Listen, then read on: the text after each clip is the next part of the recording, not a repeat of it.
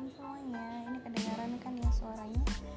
Jadi di sini kita mulai record uh, pertama kali, first time, dan semoga akan bisa digunakan.